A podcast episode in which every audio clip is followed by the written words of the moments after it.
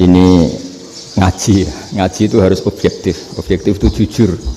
Jadi bisa saja korbannya ayah saya bisa rektornya bisa semuanya. Tapi korban dengan makna yang bagus.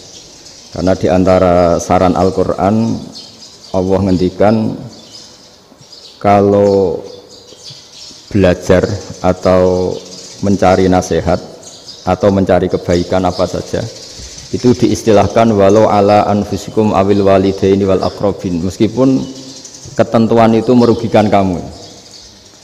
Jadi ketentuan apa pun yang merugikan kita kita harus tetap kaji. Meskipun itu tidak menguntungkan kita. Karena banyak problem mulai dulu sebenarnya problem itu. Orang yang wakam da'in yadda'i annahu da'a ilallah tapi hakikatnya yad'u ila nafsi jadi banyak dai yang mengklaim dirinya mengajak ke Allah dan Rasul tapi sebetulnya hakikatnya mengajak ke kelompoknya sendiri. Saya ini termasuk kiai yang masih orisinil. Artinya orisinil gini suatu saat atau kapan saja saya kok sudah tidak laku jadi kiai asal Islam jalan tetap senang karena nggak penting yang populer saya apa enggak itu tidak penting yang penting agama ini tetap jalan sama, negara ini harus jalan siapa pun presidennya. Ya, ini penting saya utarakan karena perbedaan antara nafsu dan komitmen beragama itu tipis sekali. Sehingga dulu pernah ada cerita ini bukti keadilan Rasulullah SAW. Pernah suatu saat Nabi itu ngaji, yang ngaji seperti ini. Terus ada pemuda dengan cueknya melewati masjid yang sedang dipakai Nabi ngaji. Sehingga cerita semuanya ngomel ya, bergumam. Celaka betul pemuda itu ada Nabi ngaji kok tidak ikut ya.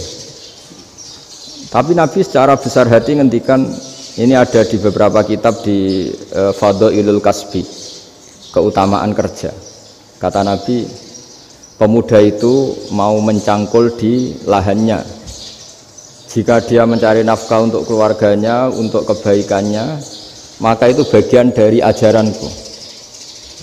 Jadi Nabi berbesar hati bahwa kerja seperti itu bagian dari ajarannya. Jadi tidak harus datang ke majelis ngaji.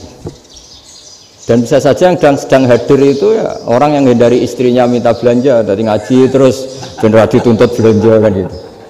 Mungkin anak-anak UMM yang ke sini daripada tengok-tengok yang Malang bosan jalan-jalan ke Rembang gitu. Ya, jadi nggak mesti benar juga niatnya gitu. Jadi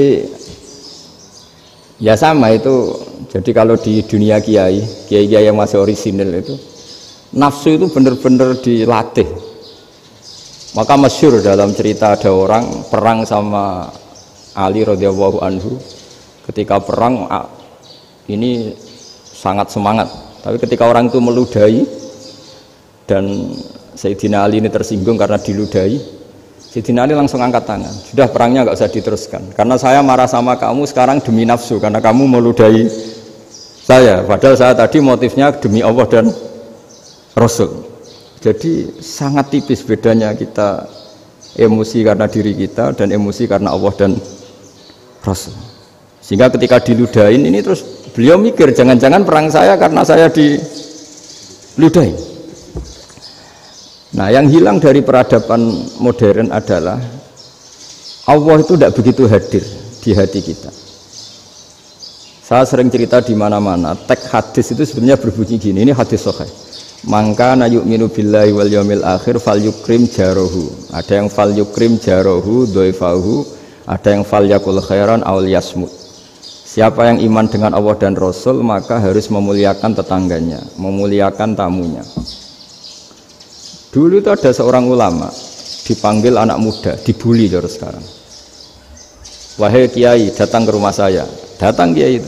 Setelah sampai ke rumah orang itu silakan kiai kembali ke rumahnya. Saya tidak butuh kiai. Kiai itu dengan riang kembali. Setelah di rumah dipanggil lagi. Pak Yai silakan datang ke rumah saya. Datang lagi. Ya senyum-senyum kiainya santai. Wah nggak jadi butuh Pak Yai. Silahkan kembali lagi. Sampai tiga kali. Oh itu kalau rektor digitukan marah itu. Dosen marah kiainya santai santai senyum-senyum rileks ketika ditanya kenapa Pak Yai tidak tersinggung Jawabannya unik. Anak muda, saya ini senang sekali nuruti perintah Allah disuruh menghormati tetangga. Sehingga ketika anda manggil ya saya datang. Ketika Anda nyuruh pulang ya saya pulang. Saya senang sekali nyenang kantongku. Dan itu perintah Allah. Jadi tidak ada hubungannya dengan kamu. Wah pemudanya nangis minta minta dimaafin. Kalau kita kan enggak, kita ini dosen, kiai, mungkin kita dokter, mungkin kita profesor. Tapi kita ini sering didikte oleh orang bodoh. Kalau orang bodoh jengkel, lo kita ya jengkel. Lo kamu jengkel, dijengkelkan orang bodoh itu namanya terdikte. Itu bodoh apa pinter? Wah itu tidak pinter sama sekali. Kalau betul-betul kamu pinter hanya bisa didikte oleh Allah Subhanahu wa taala.